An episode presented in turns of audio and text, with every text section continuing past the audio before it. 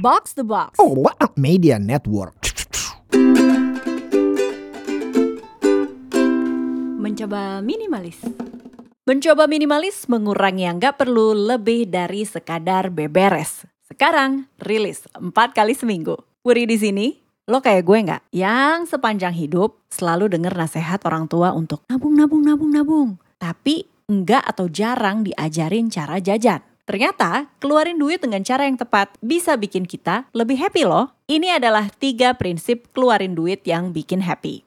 Happy money tip pertama, beli waktu. Kita sama Beyonce sama-sama punya waktu 24 jam. Tapi apakah Beyonce tiap hari itu ngosek kamar mandi, nyapu, ngepel, dan cuci piring? Hmm, agak sanksi ya. Apalagi kalau tiap hari dan dialokasiin waktu yang kurang lebih sama. Kalau emang lo suka tugas-tugas tadi, bagus. Tapi kalau enggak, dan lo punya cita-cita ngeganti waktu ngerjain hal-hal rutin tadi dengan hal lain yang kita suka, waktunya kita delegasiin tugas rutin ini kepada orang lain. Entah dengan misalnya laundry kiloan, punya mbak ART part-time, atau beli laukan atau cateringan supaya kita nggak lama-lama masak. Kalau belum mampu, nggak apa-apa bertahan dulu aja sekarang. Tapi begitu ada duit lebih, nggak ada salahnya. Lo beli waktu supaya lo bisa ngerjain project atau side job yang lo suka di luar kantor atau di luar kampus. Di akhir bulan, kita tuh akan lebih terasa berprogres. Dan percayalah, punya goal baru yang dituju selalu kasih energi lebih ke hidup kita.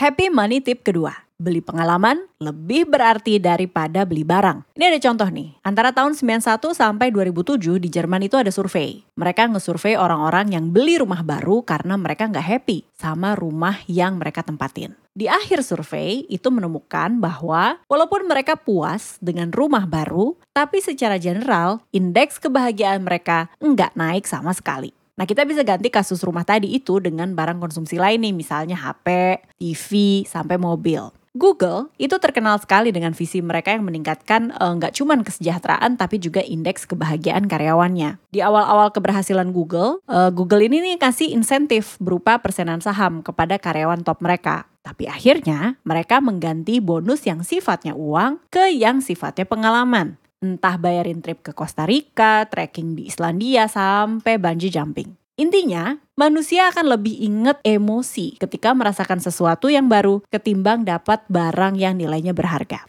Happy money tip ketiga. Traktir diri sendiri dan pakai prinsip bayar sekarang, konsumsi nanti. Self reward itu benar adanya. Tapi kalau tiap hari jadinya bukan self reward atau traktiran. Jadinya adalah konsumsi harian.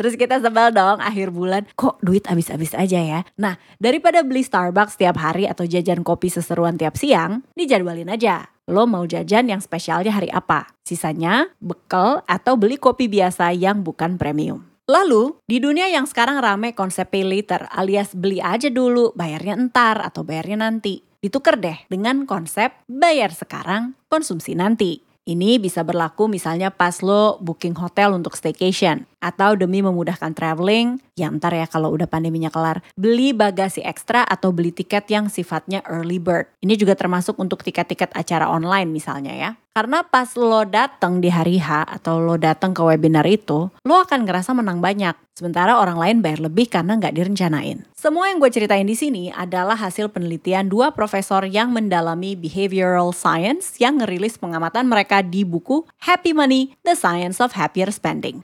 Kesimpulannya, duit emang bisa bikin bahagia. Tapi cara kita ngeluarin duitnya lebih penting daripada berapa yang kita punya. Thank you for listening. Episode baru akan keluar hari Kamis soal decluttering tips. Sampai ketemu ya. Puri out. Bye for now. Mencoba minimalis.